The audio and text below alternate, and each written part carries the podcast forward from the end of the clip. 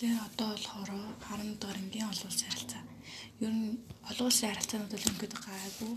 Ер нь бол хамгийн хэцүү сэдв нь бол явж явж юу юм бэ дөө. Тийм нэг юм харилцаа соёл хэрэгцээ гурвалгар нь бол хамгийн ядаргаатай сэдв. Яа мэй. Тэстэн тэгэл ер гайгүй юм.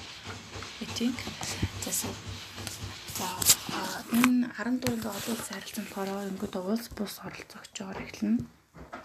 Улс бус оролцогч гэж яг юу вэ гэхэлээ засгийн газрын оролцоо дэмжлэггүйгээр улс үндэстэн дамсан үйл ажиллагаа явуулдаг глобал түвшний оролцогчид, тоглогчид олон улсын байгууллагыг хамруулан ерөнхийдөө улс бус оролцогч гэж үздэг. Тэнгууд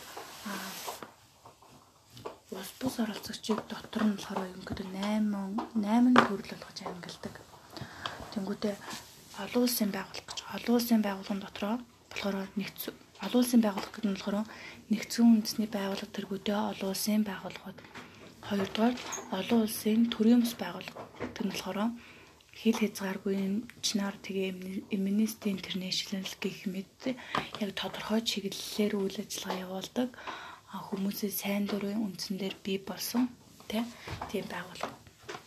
3 дугаарт нь болохоор олон улсын хэвлэл мэдээллийн сүлжээ BBC, CNN зэрэг одоо Facebook, Twitter бас орж болно. Иймэрхүү зөвлөдөг болохоор олон улсын хэвлэл мэдээллийн сүлжээ гэж үзээд улс бус оролцогчид оруулдаг. За дөрөвдүгээрт нь болохоор үндэстэн дамсан корпорациуд Toyota, Walmart, Coca-Cola гэх мэт том компаниуд одоо хоёр болон түүнээс дээш улсуудад салбартай. За 4 а 5 дугаарт нь болохоор нөлөө бүхий хувь хүмүүс. Далай лам, Билл Гейтс гэх мэтчлэн одоо улс орнуудад нөлөө үзүүлдэг тийм хувь хүмүүс. 6-ад нь болохоор шашны байгууллага буддын шашны төвүүд болон каталог каталог сүм Ватикан, Ислам, Исламын шашны байгууллага гэх мэт шашны байгууллагууд 7-дугаар болохоор олон улсын гэмт хэргийн сүлжээ, хүн улгайлах, зэвсгийн наймаа, хар тамхи, санхүү технологийн сүлжээ, террорист байгууллага а гих мэтчлэн одоо гимт хэргийн сүлжээнүүд одоо хүн улгаалах зэвсгийн наймаа хар тамих гих мэтчлэн гимт хэргийн сүлжээнүүд а хамгийн сүүлд нь болохоор 8 дугаарт нь террорист байгууллага буюу зэвсэгт бүлэглэлийн бүлэглүүд багтдаг.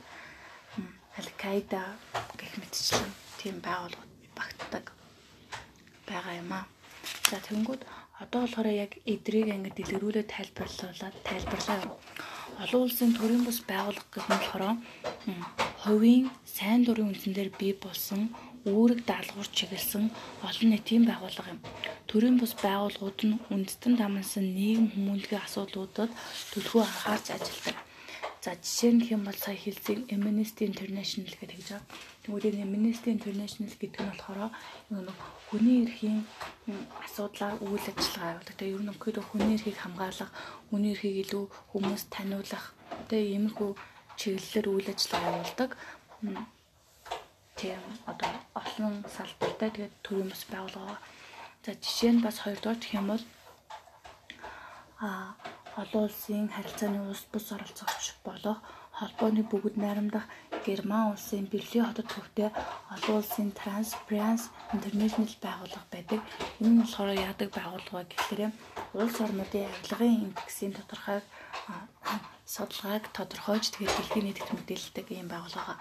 За харин манай улс болохоор 2016 оны байдлаар 38 гэсэн оноогоор 176 орноос 87-т бол бичигдсэн байдаг. Тэгэхээр бол авилгад өрцөн орон гэж ерөнхийдөө дүгнэгдсэн байдаг гэсэн үг. Тэгэхээр яг үүн байдлаар ерөнхийдөө сайн дур үнцэн дээр байгуул байгуулагдсан.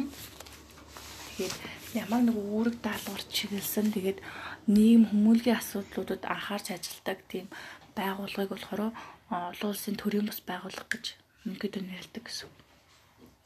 За хоёрдугаарт нь болохоор үндэстэн намсан корпорац гэдэг нь болохоор олон улсын харилцаатай яашрын хэрээр олон улсын улс төр эдийн засгийн харилцаанд ихээхэн нөлөө үзүүлэх болсон субъектүүдийн нэг болохоор ерөнхийдөө үндэстэн намсан корпорац гэдэг зүйл байгаа. Энэ нь болохоор хоёр болон түүнээс дээш олон улсад үйлдвэрлэл үйлчилгээ явуулдаг компаниудыг үндэстэн дамнасан корпорац гэж хэлж байгаа гэж ойлгож байна. За тэгэхээр үндэстэн намсан корпорац үйл ажиллагаанд олон улсын эрх зүйн зохицуулалт бол зайлшгүй хэрэгтэй байдаг гэж үзсэн байдаг. За 3 дугаарт нь болохоор хувь хүмүүс засгийн газрыг төлөөлөхгүй ерөнхий иргэд Нобелийн их тайвны шагналыг хүртсэн буддын шашны 14 дугаар тэргүүн буддын шашны тэргүүн 14 дугаар далай лам тэгээ Билл Гейтс, Жорж Сорс зэрэг томоохон сангийн тэргүүнүүд тэгээ Осама бин Лейден зэрэг одоо террорист хүмүүст ч бас өнгөд орж олно гэсэн. Аха. За дөрөвдүгээрт нь болохоор шашны бүлгүүд нь болохоор дэлхийд тархсан буддын шашлан ислам, христийн гих мэд голлох шашны төв байгуулалтаас гадна шашны урсгал чиглэлээр үйл ажиллагаа явуулдаг бүлгүүм олон улсын харилцаанд чухал үр гүйцэтгэдэг. Буддын шашин, ислам, христийн шашин гэх мэт голлох шашны төв байгууллагаас гадна олон шашны урсгал чиглэлээр үйл ажиллагаа явуулдаг бүлгэн бас олон улсын харилцаанд чухал нөлөө үзүүлдэг гэсэн үг. За дараа нь болохоор олон улсын хэвлэл мэдээлэл хэрэгсэл. За тэгэхээр энэ он их чухал 1991 оны Персийн булангийн үйл явцын талаар Персийн булангийн үйл явцын талаар CNN дайны талбараас шууд мэдээ хүргэснээр өнгөдөө дэлхийн улс орнуудад бодит мэдээллийг газар дээрээс нь шууд хүргэх ихтэл болсон. 1991 онд тэгэхээр Перс дайн гарч ирсэн баг. Тэгээд тэр дайны мэдээллийг CNN шууд хүргэснээр ерөнхийдөө олон улсын хэвлэл мэдээллээр хэрэгслийн одоо үндэс суурин тавигдчих эхэлсэн гэж болгож байна.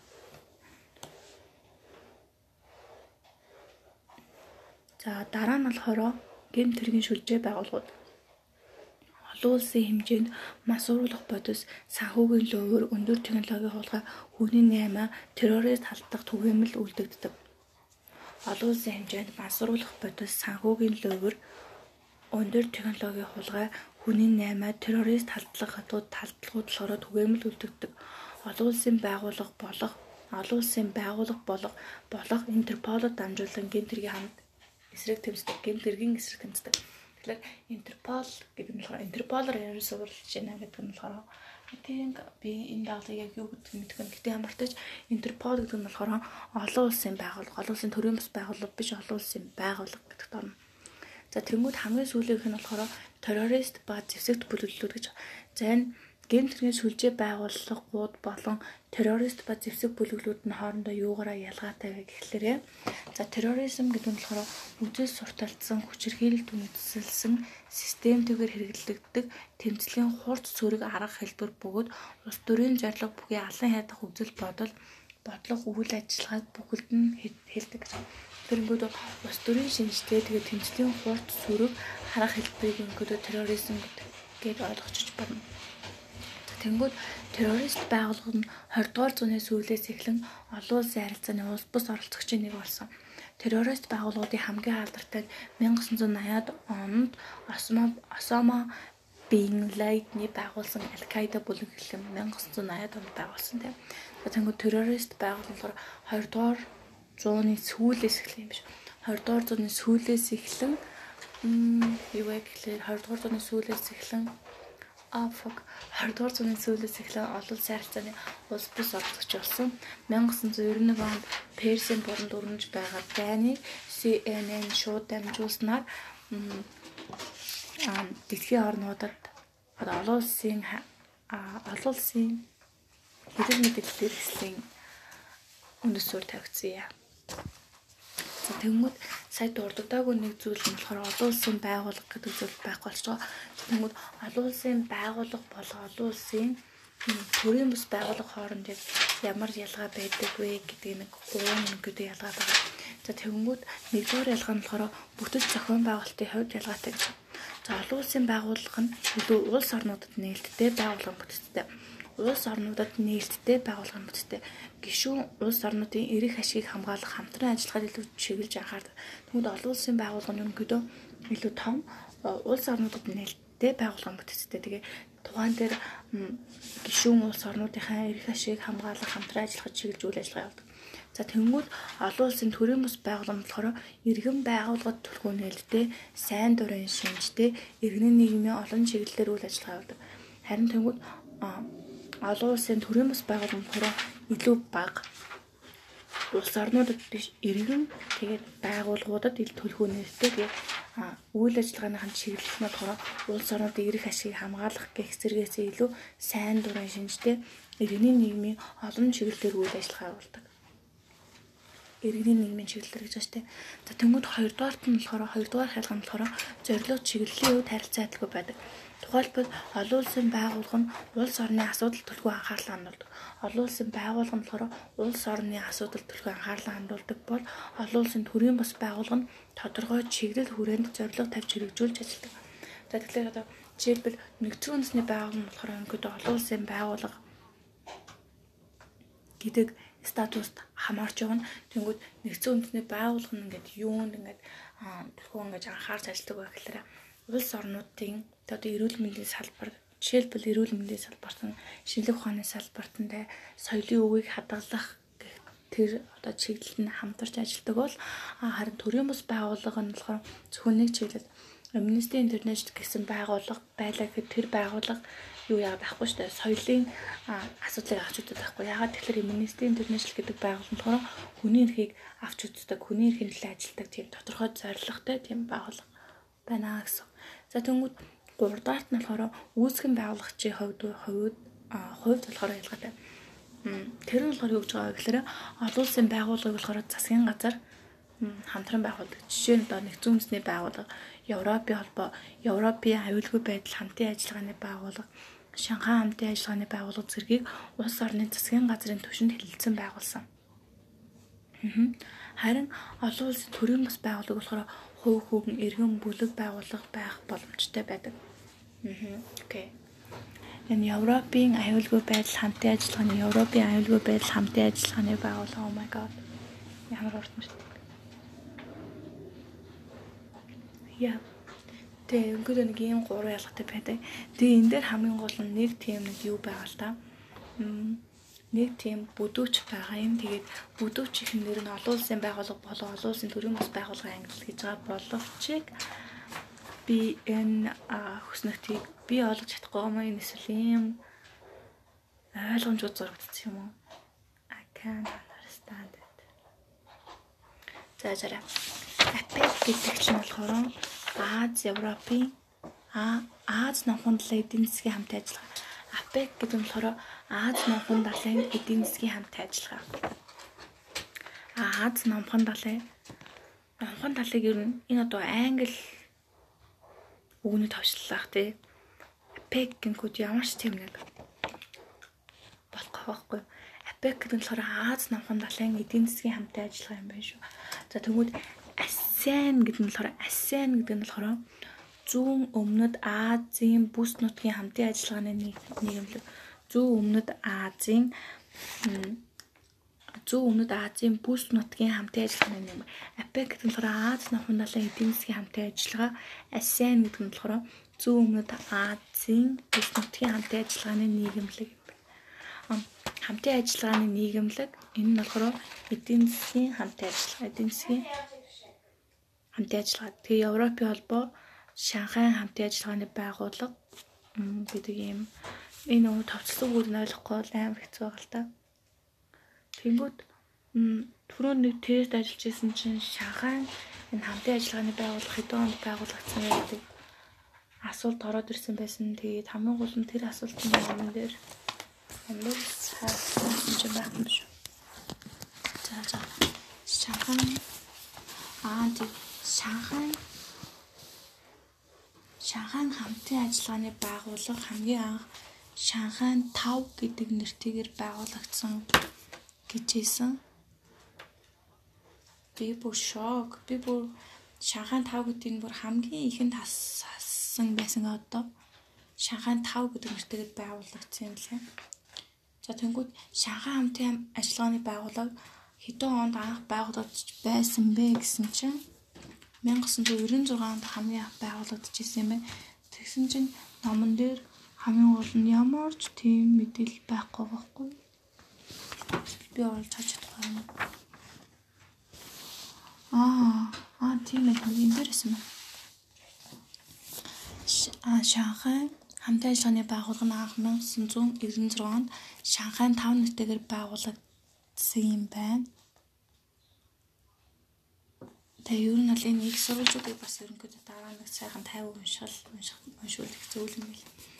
За тэнгууд олон улсын байгууллагын төрийн бас байгууллага болохоор ерөнхийдөө юу гэж ангилдаг вэ гэсэн чинь үйл ажиллагааны цар хүрээгээр нь үүсгэн байгуулах журна гэж нэг хоёр ангилаад байгаа. Үйл ажиллагааны цар хүрээгээр нь болохоор глобал түвшинтний болон бүс нутгийн түвшний гэж хоёр байна.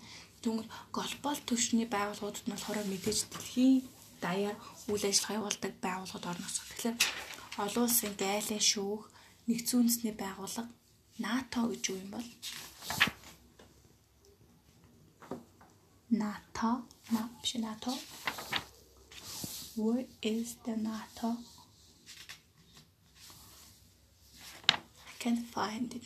За НАТО тэгээд эсэлт үйл нэгдэх хөдөлгөөн Исламын улсуудын чуулган гэх мэтчлэн олон улсын гайлын шүүх нь болохоор глобал түвшний байгууллага юм байна. Тэгмүүд бүс нутгийн байгууллага гэдгээр нь болохоор мэдээж Европын холбоо, Шанхай хамтын ажиллагааны байгууллага, Аз нохонд эдийн засгийн хамтын ажиллагаа, зүүн өмнөд Азийн бүс нутгуудын хамтын ажиллагааны нийгэмлэг гих зэрэг байгууллагууд орно. За тэгмүүд үүсгэн байгуулагчаар нь болохоор хувь хүн байгуулсан болохоор Жорж Соросын байгуулсан нээлттэй нийгмийн хүрээлэн Аль-Каида бүлэглэл гих мэтчлэн хувь хүн байгуулсан тийм бүлэглэлүүд орно. За тэгвэл олон улсын олон улс хамтран байгуулсан нь болохоор Евразийн эдийн засгийн холбоо гэх мэтчлэндээ тиймэрхүү байгууллагууд харж болно гэсэн. Тэгээ одоо Европын холбоод очнол энэ энэ хамаарчтай. За тэгмүүд нэгдсэн үндэсний байгууллагууд мэдээж улс бус оролцогчийн хувьд олон улсын байгууллагын ангилт хамаарах бөгөөд гишүүд нь улс орон байдаг тул үйл ажиллагааны хамрах хүрээ нөлөөлөл нь улс орнуудад шууд холбогддог учраас үйл ажиллагааны цар хүрээгээр бол глобал түвшний оролцогч болдог. Өөрөөр хэлбэл олон улсын харилцааны үндсэн оролцогч болох улс орнууд харилцан тохиролцож зөвсөний зөвшөлдсөний үндсэндээ нэгдсэн үндэсний байгууллагыг байгуулсан байна. За тэгмүүд 2015 оны нэгдсэн үндэсний байгууллагын ерөнхий ассамблеийн баталсан доктортой хөгжлийн үзэл баримтлал 30 2015 оны нэгдсэн үндэсний байгууллагын ерөнхий ассамблеийн баталсан доктортой хөгжлийн үзэл баримтлал 30 гэдэг 2015 онд нэгдсэн үндэсний байгууллагын ерөнхий ассамблеийн доктортой хөгжлийн үзэл баримтлал 30 гэдэг баримтлал баталсан бөгөөд энэ баримтлалаараа болохоор 2030 он хүртэл 17 төрлийн зорилтыг бол хэрэгжүүлж хэрэгжүүлэхээр үр хүлээсэн нэгдсэн үндэсний байгууллагын одоо улс орн тэг гишүүн улс орнууд гэсэн үг шүү дээ. Яа. За тэмүүд олон улсын байгууллага нь болохоор тэмүүд дараагийн юу болж байгаа сэдвэр орж олон улсын эрхцэн олон улсын эрхцэг За олон улсын байгууллага нь өөрийн гэсэн нутаг дэвсгэргүй учраас заавал өөрийн гишүү айл нэг улсын нутагтдээ байрлаж үйл ажиллагаа явуулах нь тодорхой. За тэгвэл олон улсын байгууллага нь оролцогч улс орны хувьд олон халын хамтын ажиллагаа хөгжүүлэх зорилгоор тэдний зөвшөөрлөөр байгуулдаг бол олон улс хэрэгцээ субъект болно гэж. За тэнгууд олон улсын эрх зүйгүүд нь болохоор ердөөс амархан олон улсын харилцаанд оролцогчдын хоорондын харилцааг зохицуулдаг хууль зүйн зарчим хэм хэмжээ эрх зүй нь болохоор олон улсын харилцааны хэм хэмжээний тогтолцоог өнгөд олон улсын эрх зүй гэж олон улсын харилцаанд оролцогчдын хоорондын харилцааг зохицуулдаг хууль зүйн зарчим хэм хэмжээний тогтолцоог олон улсын эрх зүй гэдэг. Тэгвэл олон улсын эрх зүй нь олон улсын харилцааны оролцогчдын хоорондын харилцааг зохицуулахаас гадна түүний хэвийн бадлыг хангах, энэ харилцааг хангах, хамгаалах үүрэгтэй байдаг гэж. За түрүү нэг өмнө нь үгүүд би дахиад ойлгох юм бол олон улсын байгууллага нь оролцогч улс орны хувьд олон талын хамтын ажиллагааг хөгжүүлэх зорилгоор тэдний зөвшөөрслөөр байгуулагдвал олон улсын эрх зүйн субъект болдог. За субъект болох талаар гэдэг нэг хоёр юм байна. Нэгдсэн үндэсний байгууллагын дүрмийн 104 дугаар зүйлд нэгдсэн үндэсний байгууллага нь өөрийн гишүүн орны нутаг дэсгэр дээр үүргээ гүйцэтгэх болон зорилгоо хүргэх шаардлагатай эрх зүйн чадамжийг эзлэнэ. Хоёрдугаар Далайн эрх зүйн 1982 оны конвенцэд олон улсын далайн байгууллагууд нь олон улсын эрх зүйн субъект мөн бөгөөд өөрийн үүргийг хэрэгжүүл зорилгоо хүргэж шаардлагатай эрх зүйн чадамжтай байна гэж заасан байна. За гэхдээ олон улсын байгууллага бол хязгаарлагдмал хүрээнд зөвхөн өөрийн үйл ажиллагааны зорилготой холбоотой асуудлаар эрх зүйн чадамж эзэлдэг. олон улсын байгууллага нь хязгаардагдмал хүрээнд зөвхөн өөрийн үйл ажиллагааны зорилготой холбоотой асуудлаар эрх зүйн чадамж эзлэнэ гэж. За тэр нь болохоор юу гэж байгаа вэ гэхээр зөвхөн өөрсдийн дүрмийн хүрээнд эрх эдэлж үүрэг хүлээдэг. Зөвхөн өөрсдийн эрхэлдэг ажлын хүрээнд тодорхой асуудлаар хилэлцээр байгуулга нь мөн олон улсын байгууллага шүүхээс зөвхөн зөвлөмж хүсэх хэрэгтэй гэсэн зүйл. За тэгээд нэг олон улсын байгууллагын эрхцэн хувьд олон улсын байгууллагын дараах нийтлэгээр их үүрэгтэй гэсэн хоёр юм байгаа. Энийг нь би Quizlet ажиллаж хийжлэж чадж байгаа. Бусдаар л энэ бол хийжлэгдэшгээ. Oh my god. За одоо тэгээд нэг 6 онлын асуудал байгаа. За тэр нь болохоор ямар ямар онлууд байгаа гэхлээр реалистик онл. Реалистик онл нь болохоор олон улсын харилцааны тоглогчдын зөвхөн үндэсний бүрэн эрхт улсууд байдаг. Реалистик онл. За харин нео реалистик онл нь болохоор олон улсын харилцааны тоглогчд нь бүрэн эрхт улс тэдгээрийн холбоо эсэл байна гэж үзэж байна. За тэнгууд дараагийн онл нь болохоор Liberal он, liberal онолтой олон улсын харилцааны үндсэн тоглогч бүрэн эрхт улс дангаар биш түүнээс гадна олон улсын байгууллагууд томоохон компаниуд үндэсний болон бусад нийгэмлэг хөв хүмүүс олон улсын харилцаанд оролцдог. Олон улсын харилцааны үндсэн тоглогч нь зөвхөн бүрэн эрх тус дангаар биш түүнээс гадна олон улсын байгууллага томоохон компани үндэсний болон бусад нийгэмлэг хувь хүмүүс олон улсын харилцаанд оролцож байдаг гэж үзэж байна. За тэнгууд либерал неолиберал онол нь болохоор олон улсын харилцааны бүрэн эрх субъектүүд нь бүрэн эрх тулс үндэстэн дамсан корпорациуд засгийн газрын бус байгууллагууд хувь хүмүүс байдаг. За тэмүүрийг нэг хуучин онлоос шинэ онлууд нэг жоохон жоохон л ялгаатай. Реалистик онл нь болохоор зөвхөн бүрэн эрхт улсууд байна гэж үзсэн бол неореалистик онл нь болохоор бүрэн эрхт улс болон мөн тэдгэрийн холбоо эсэл байна гэж үзэж. Либерал онл нь болохоор бүрэн эрхт улс дангаар биш олон улсын байгууллага томоохон компаниуд үндэсний бусан бусад нийгэмлэг хувь хүмүүс оролцоно гэж үзсэн бол неолиберал онл нь болохоор бүрэн эрхт улс үндэстэн намсан корпорациуд мөн засгийн газрын бус байгууллагууд хувь хүмүүс байдаг гэдэг дахиад нэг жоохон нэмэр өгч. За маркетинг нь болохоор олон улсын харилцааны үндсэн тоглогчдын нийгмийн ангиуд байна гэж үзсэн бол нео марксист онол нь болохоор нийгмийн тодорхой анги бүлгүүдийн харилцааны үр дүн юм а гэж үзэж байна. Олон улсын харилцаа. Яа. За нэг ийм 6 онолоо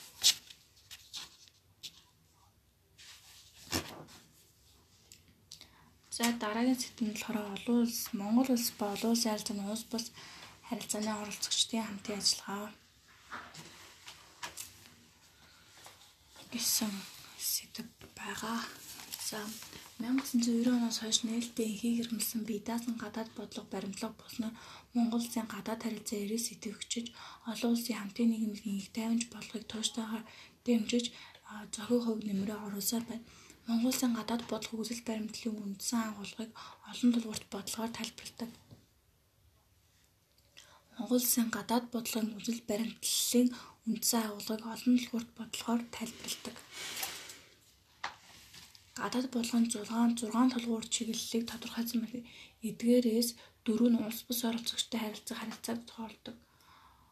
Үүнд Аз номхон далайн эдийн засгийн хамтын ажиллагаа бодлого АПЕC Зүүн Өмнөд Азийн бүс нутгийн хамтын ажиллагааны нийгэмлэг болох АСЕАН эсэлт үлнэгдэх хөдөлгөөн нэгдсэн үндэсний байгууллага болон түүний төрөлцсөн байгууллагууд тусгаар улсуудын хамтын нөхөрлөл ийн орнууд зэрэг хуучин социалист системийн уламжлалт харилцаатай бүс нутгийн байгууллагатай харилцаа харилцааг тодорхой зааж өгсөн байдаг. Тэр 6 тэр манай манай намайг гадаад бодлогын үзэл баримтлалыг болохоор үзэл баримтлалын үнцэн агуулгыг болохоор олон тулгуурт гэж хэлнэ гэсэн. А тэр 6 тэр айгуу олон тулгуурт гэж үздсэн дээрээ манайх ингээд ерөнхийдөө үзэл баримтлалын тийм нэг гадаад бодлогын 6 талгуур чиглэл байгаа гэсэн. Харин тэрний дөрөв нь болохоор улс бус оролцогчтой хэрхэн хамтарч ажиллах вэ? Тэг хэрхэн харилцах вэ гэдгийг тодорхойлдог байх нь гэсэн. За тэгмүүд тэр нөгөө тэр 6 талгуурын дөрөв нь болохоор Тэ тэгээд тийм гэсэн шүү дээ. Тэнгүүд харилцаа дээр улс бус оролцогч нь болохоор нэгдүгээр АПЕК тэ Аз нохон хөндлөн эдийн засгийн хамт ажиллагаа хоёрдугаар АСЕАН буюу зүүн өмнөд Азийн бүс нутгийн хамт ажиллагааны нэгэнлэг гуравдугаар эсэл дүүл нэгдэх хөдөлгөөн дөрөвдүгээр нүүг болон түүний төрөлцсөн байгууллагууд тавдугаар тусгаар улсуудын хамтын нөхөрлөл дэлхийн орнуудад эрх яаж харьцахыг заасан. За тэгвэл за тэр 6 талхууд бодлого нь юу вэ гэхлээр хөрш орнуудтайгаа найр найрцагаар тэнцвэртэй харилцах. Хөрш орнуудтайгаа найрцагаар тэнцвэртэй харилцах. Гуравдугаар Азийн бүс нутгийн улс төр эдийн засгийн интеграцид онорчтой оролцох. Азийн бүс нутгийн улс төр эдийн засгийн интеграцид онорчтой оролцох. Гуравдугаарт өрөнд орны өндөр хөгжөлтэй гүрнүүдтэй найрсаг харилцаа хөгжүүлэх. Хөгжиж буй орнуудтай нийтлэг зарилтын үүднээс бодит боломжийн хэмжээнд хамтран харилцах. Дараагийн нь болохоор нэгдсэн үндэсний байгууллага болон түүний төрөлцсөн салбарууд олон улсын валютын сан, Дэлхийн банк, Азийн хөгжлийн банктай хамтран ажиллах, социализмын дараах орнууд буюу тусгаар улсын улсуудын хамтын нөхөрлөлийн орнуудтай найрсаг харилцаа хөгжүүлэх гэсэн 6 талхуур чиглэлийг ингээд гадаад бодлогын үзэл баримтлалдаа ашигладаг гэсэн. За Монгол улс гадаад болон үзэл баримтлалд Монгол улсын дэлхийн хамтын нийгмийн гишүүн Монгол улс дэлхийн хамтын нийгмийн гишүүний хувьд бүс нутгийн болон дэлхийн дэлхийн чанар дэлхийн чанартай тулгамдсан асуудлыг шийдвэрлэхэд тууштай хүчин чанарт гарна гэж заасан байна. Монгол улсын гадаад бодлогын үзэл баримтлалд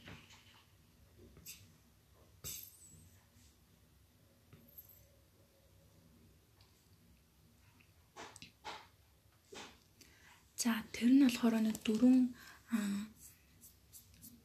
аа тийм үзэл баримтлалаа гэх юм. За нэгдүгээр болохоор ардчлалыг бичүүлэх, хоёрдугаар цөмийн болон өвөө олноор хөнөөх, бусад зэвсэгтэй зэвсэг дэлгэрүүлэх, зэвсэг дэлгэрүүлэхдээ олон улсын терроризм зохион байгуулалтыг гэмт хэрэгтэй таньцах, хоёрдугаар нэгдсэн үндэсний байгууллагын энхийг дэмжих, цагуулах, сэргээн босгох үйл ажиллагаанд оролцох, дөрөвдүгээр уур амьсгалыг өөрчлөлтөд дасан зохицох, байгаль орчны доройдлоос хамгаалах, гоц халдварт өвчний тархалтаас сэргийлгээд чиглэсэн олон улсын хамтын нийгэмлэгийн хүчин чармайлтыг дэмжин оролцох ямагт бэлэн байна. Аршлыг бэхжүүлэх тэгээд цөмийн сэсрэг байх, нэгдсэн үндэсний байгууллагын ажиллагаанд оролцох, уур уур амьсгалын өөрчлөлтөнд зөвхөн байгалаа хамгаалах. За Монгол улсын гадаад бодлогод голлох бүс нутаг улс орнууд гэж Хойд Америкийн улс орнууд, Европын улс орнууд, Төв Азийн улс орнууд буюу тусгаар улсуудын хамтын нийгэмлэг, зүүн хойд Азийн бүс нутаг буюу Орос, Хятад, Америк, зүүн ба зүүн өмнөд Азийн бүс нутаг. За зүүн хойд Аз болохоор Монгол улс Солонгосын өөрийн аюулгүй байдлын асуудалд ихээгийн анхаарал тавьж хоёр солонгостой найрсаг харилцаатай байхыг иргэнүүлдэг. Аа зүүн зөвхөн эдрийг нь мэдж яах тэгэл болно дөө.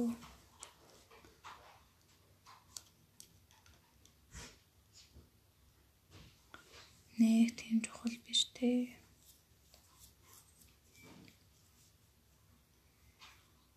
За харин Монгол улс 2011 оны 7 сараас ардчилсан орнуудын хамтын нийгэмлэгийг 2 жилийн хугацаатаар дараалал ажилласан юм лээ шүү. За Монгол улсын гадаад бодлогод голлох бүс нутгууд нь болохоор Хойд Америкийн улс орнууд, Европын улс орнууд, Европын улс орнууд, Хойд Америкийн улс орнууд, тэгээ Төв Азийн улс орнууд, Зүүн Хойд Азийн бүс нутаг, Зүүн ба Зүүн өмнөд Азийн бүс нутаг. Эгээр нь баг бүгд очиж байгаа юм шүү. Хөө хөө хөө За тийм ба. Европын улс орнууд, Хойд Америк улс орнууд, Төв Азийн улс орнууд, Төв Азийн улс орнууд, зүүн ба зүүн Хойд Азийн бүс, зүүн Хойд Азийн бүс нутгууд, тэгээ зүүн ба зүүн Азийн бүс нутгууд. За одоо ингээд Монгол улсын 3 дахь хөршийн 3 дахь хөршийн гээл Тэгэл Миний сар дуусчихад өө.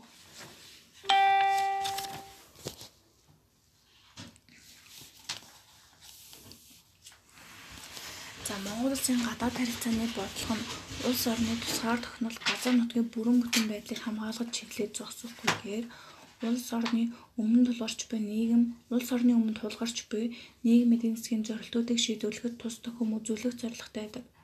Монгол улсын гадаад харилцааны бодлого нь улс орны тусгаар тогтнол газар нутгийн бүрэн бүтэн байдлыг хамгаалахад чиглэж зогсохгүйгээр улс орны өмнө тулгарч буй нийгмийн эдийн засгийн зорилтуудыг шийдвэрлэхэд тус төхөм тус төхөм болох зорилттой байдаг. Монгол Улсын үндсэн хуульд Монгол улс олон улсын Улан улсын эрх зүйн нийтээр хүлэмжшүүлсэн хэм хэмжээ зарчмыг баримталж эхийн гэрхэмлсэн гадаад бодлого явуулна. Монгол улс олон улсын гэрээгээр хүлэмжшүүлсэн хүлээсэн үүргээ шударгаар сахин биелүүлнэ. Монгол улс үндсэн хуулинд таршилсан олон улсын гэрээ бусад баримт бичгийг дагаж мөрдөхгүй гэж заасан байдаг нь Монгол улсын гадаад харилцааны гол зарчим юм аа гэж. За 1994-2011 оны үзэл баримталтай үзэл гадаад бодлого үзэл баримтал гадаад бодлогын зарчмыг дэлгэрэнгүй тодорхойлохдоо Монгол улс альва улстай харилцахдаа бие биеийн бүрэн эрхт байдал, нутаг дэсвэрийн бүрэн бүтэн байдал, хөлийн халдшгүй дархан байдал, өөртөө засан тогтнох бүрэн эрхийг хүнддэг, дотоод хэрэгт үйл оролцох, хүч үйл хэрэглэх маргаантай асуудлаар асуудлыг эвээр шийдэх, хүний эвэрэг чөлөөг хүнддэг, эвэг тэгш харилцаа ажигтай хамтран ажиллах зэрэг нөхцөл үндэсний байгууллагын дүрм тодорхойлж нийтээр хүлээн зөвшөөрсөн олон улсын хэмжээг удирдлага болгоно гэж заасан байдаг. Тийм байна. За 6-ын нэгтээ ялах гэж жоох хэцүүлтэй яг ингээд яг яг Монгол улсын аюулгүй байдлын үйл заасан юм уу Монгол улсын үндсэн үйл заасан юм уу гэдгийг ялах гэж зоригтой ялах. Тэгээ эдрийг яг бүгднийг яг хөтгүүгээд яг биччихэн зөв юм шиг л ингээд гадаад бодлогын үзэл баримталтанд гэсэн маруу үндсэн үлдэн тийм юмсан соёлын үлдэн тийм тэгж заасан байдаг бүх номосоо түүгээ биччихвэл арай амар юм шиг санагдсан. Тэгэхгүй бол энэ чинь ингээл яг яг одоо бол ингээ ойлгож байгаа юм шиг мөртлөө тэгээд хэд хоногод ингээ мартагдчихдаг шүү дээ тийм.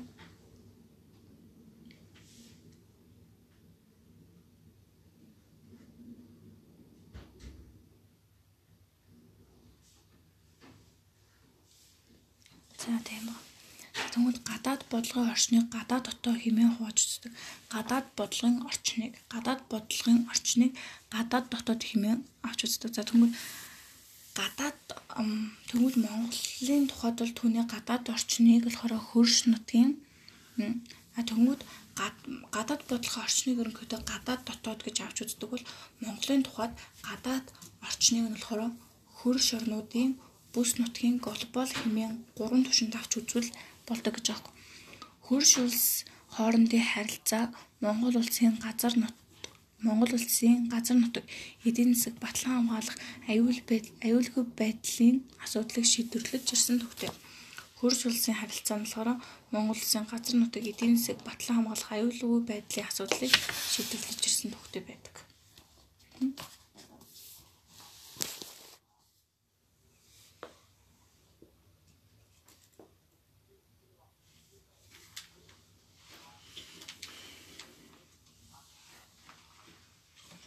За Монгол улс нь болохоор 164 улстай дипломат харилцаа тогтоож засгийн газар хоорондын 54 байгууллагын гишүүн болж олон улсын 154 олон талд гэрээнд нэгдэ орсон байлаа. За тэгэнгүүт энэ дээр болохоор нэг арай өөр тал байсан юм. 10 дугаар ингээд сургуульч дээр одоо тэрийг хайж олно. Хайгаад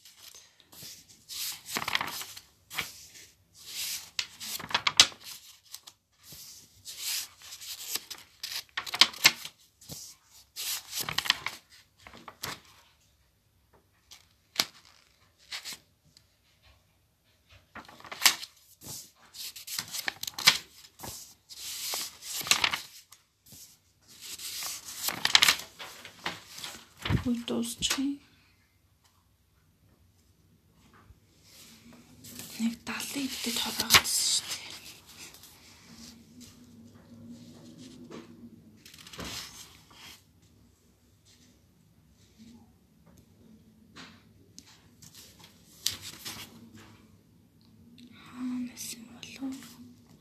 Тэг ингээд эргээд тахлаар олддгүй те.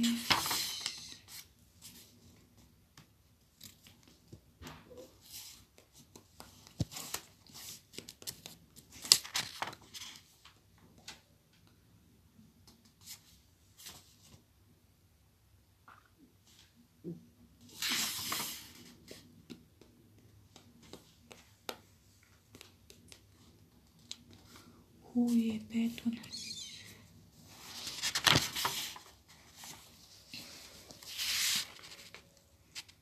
Аа манай Монгол улс 50 гаруй жилийн хугацаанд төр засгийн газрын төвшний төвшин дэлхийн 173 улстай албан ёсны харилцаа тогтоож За энэ болохоор яг нэг албан ёсны харилцаа. Албан ёсны харилцааг болохоор 173 улстай тогтоосон. Харин дипломат харилцааг болохоор 164 улсад тогтоосон. Тэнгүүдээ Бүүс нутгийн засгийн газар хоорондын 70 гаруй байгууллагад элсэд байна гэсэн чинь засгийн газар хоорондын 54 байгууллагын гишүүн болж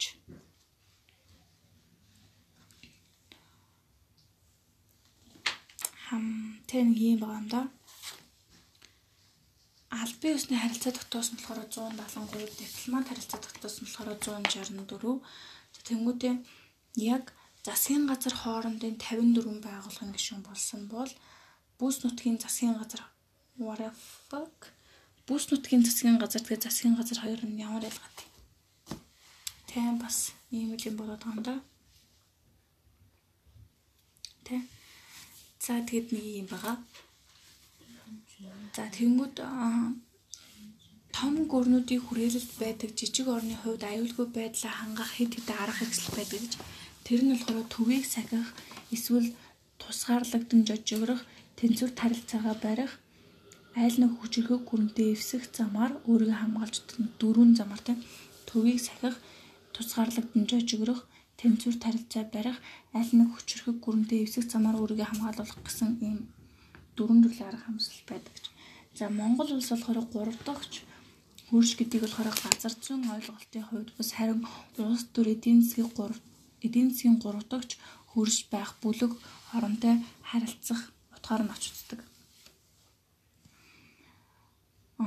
3 дахьч хөрш гэдэг нь болохоор аль нэг тодорхой 3 дахьч орны хэлж байгаа хэрэг биш. Бөгөөд харин Монгол улс хоёр хөршийн хамгаалалт дор байх ёсгүй хоёр хөршийн нөлөөллийг зохих тэмцвэрийг хадлахад 3 дахь хүч буй 3 дахь хөршийн нөлөөлөл байх ёстой гэсэн үзэл санаанаас улбатаагаар 1990-ад оноос баримталж ирсэн шинэ бодлого юм аа гэж. 3 дахь хөрш гэдэг ойлголт нь Монголын ардчлал нийгэм эдийн засгийн хөгжлийг тууштай дэмжигч дөрвтэй хандлагч улс орныг багтаадаг. 3 дахь хөршийн бодлогоор Монгол улсын үндэсний аюулгүй байдал эдийн засгийн хөгжилд давхар хангагдаж байдаг.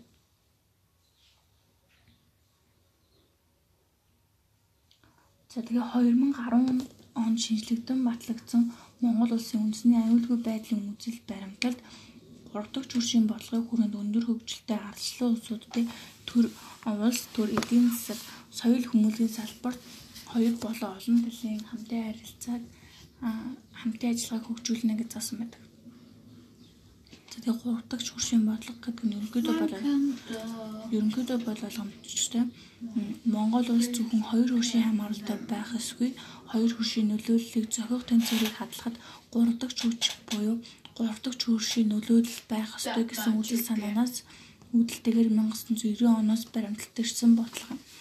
За Монгол улсын их хурлын 2011 онд баталсан Монгол улсын гадаад бодлогын үзэл баримтлалд Монгол улсын улс төрийн гадаад бодлогын нэг хэсэг нь Америк, Япон, Европын холбоо, Энэтхэг, Солонгос, Турк зэрэг өргөн орны улс холбоо улс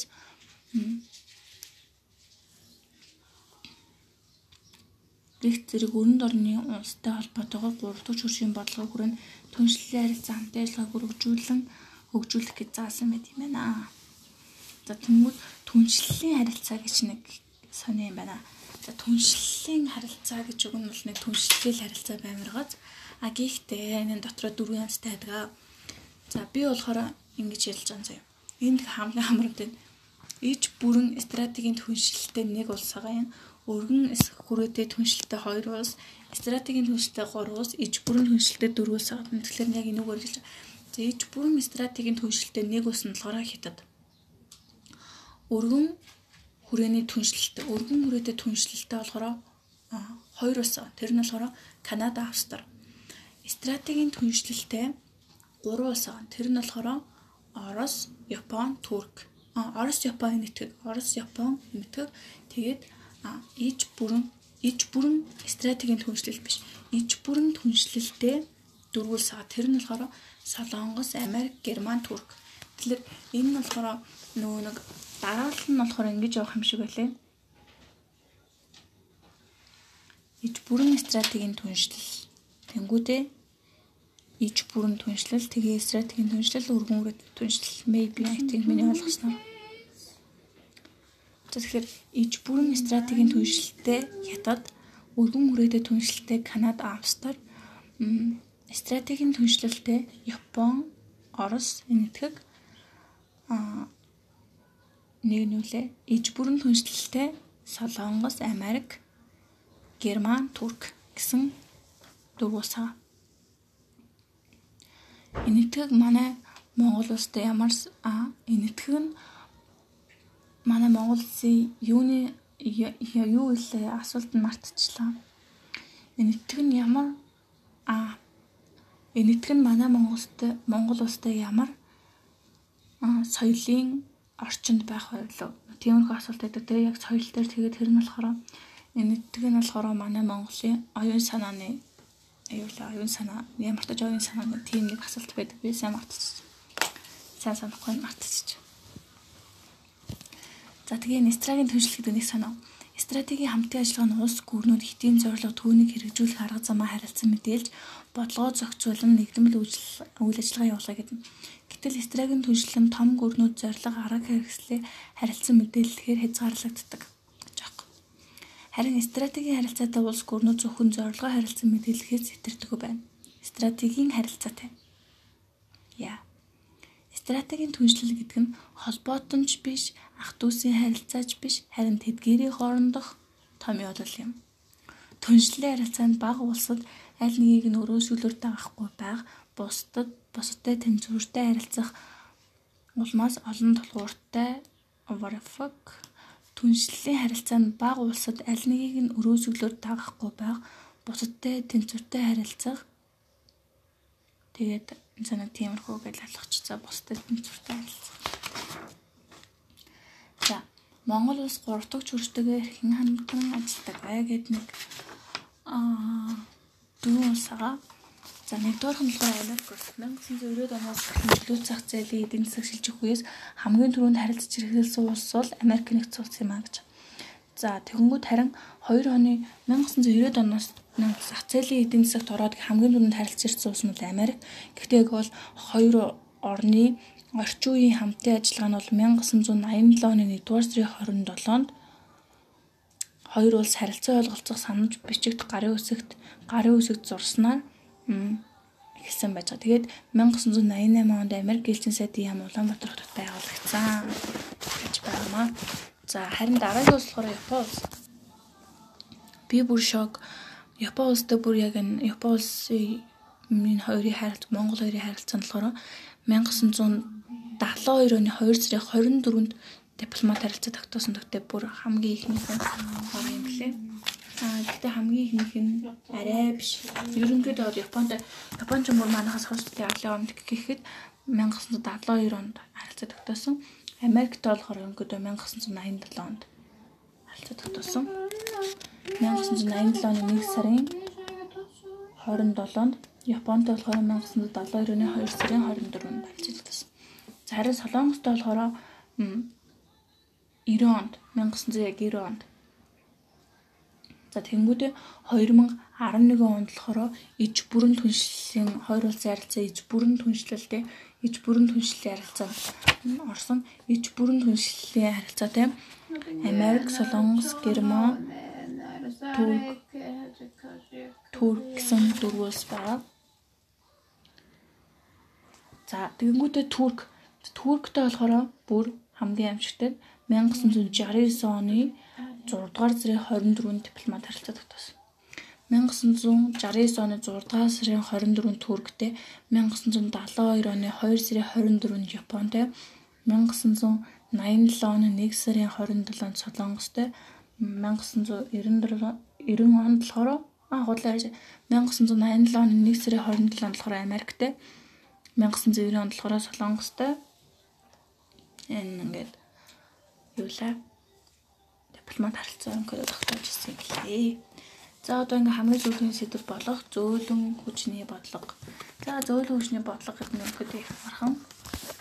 За нэг Жозеф Самуэль Най гэдэг энэ хүн Жозеф Самуэль Най гэдэг хүн 1937 онд төрсэн энэ хүн энэхүү их сайхан мундаг хүн байлаа. Тэгээ энэ хүн яасан бэ гэхээр Роберт Койхен гэдэг эрдэмтэнтэй хамтраад 1974 онд олон улсын харилцааны неолиберал онолын чиглэлээр хүч чадах ба харилцаа хамгаал гэсэн азарт бүтээдэг төрөсөн.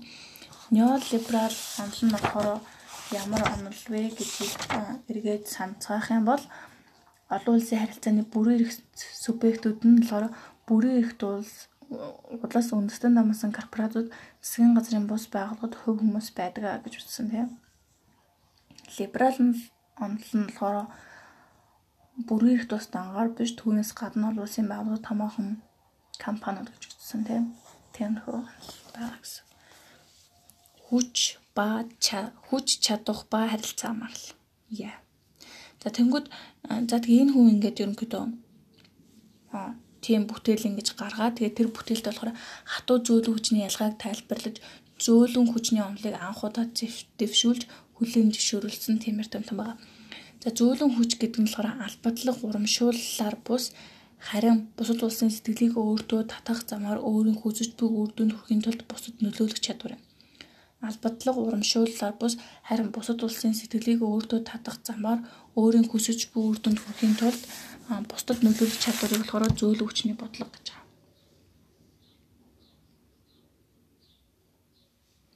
За харин хатуу хүчний бодлого нь болохоор их гүрнүүд цэрэг эдийн засгийн хүч чадах даа тулгуурлан хүчээр төрий барих бодлогыг хэрэгжүүлэхийг гэж.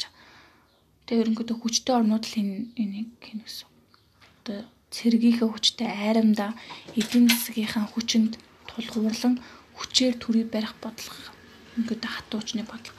За харин ухаалаг хүчний бодлого нь болохоор улс өөрийн үндэсний ашиг сонирхол гадаад бодлогын зорилгоо хэрэгжүүлэхдээ өөрт байгаа улс төр стратеги эдийн засаг соёл зэрэг бүх арга хэрэгслээ тэнцвэртэй хоршуулах чадварыг ерөнхийдөө хэлж байгаа гэх юм уу?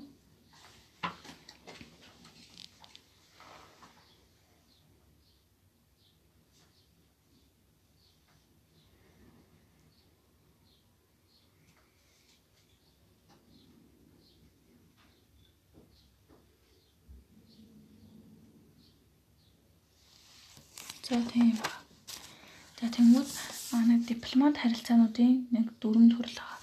За тэр нь болохоор юу юу байдаг вэ гэхлээр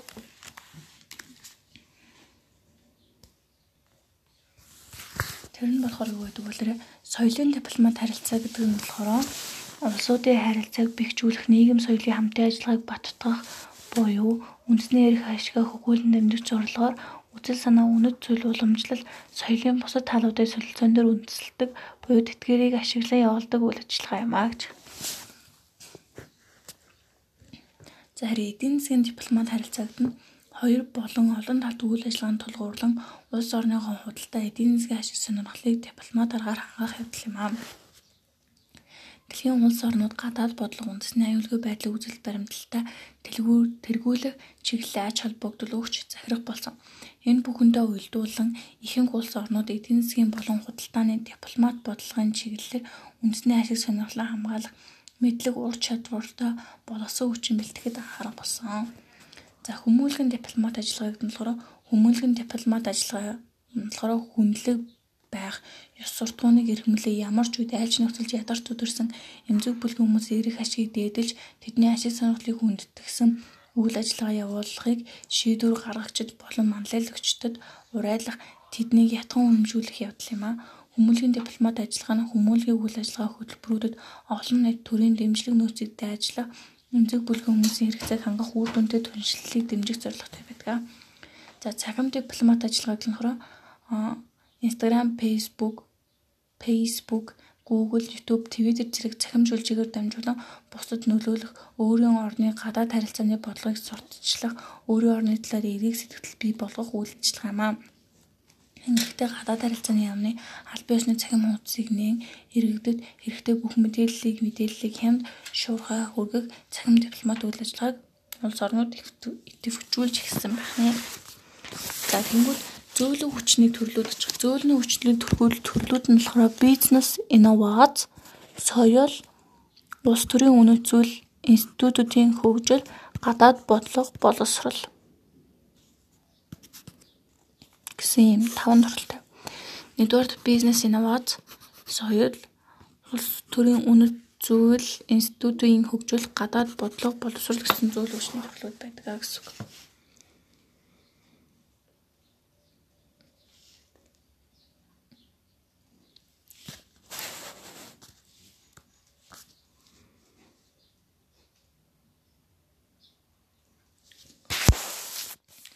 За Монгол улс гадаад бодлого үзэл баримтлалдаа соёл хүмүүнлэгийн салбарын гадаад бодлогыг дараах чиглэлээр хэрэгжүүлэхээр заасан байдаг. Нэгдүгээр болохоор түүх соёлын дурсгалт болон үнэт зүйл байгалийн өвийг хамгаалах сэргээг талаар гадаад улс ЮНЕСКО олон улсын холбогдох бусад байгууллагатай хамтран ажиллаж дэлхийн соёлын болон байгалийн өв сангийн бүртгэгд өөрийн биед бит бус өвийг хамруулахыг зорих.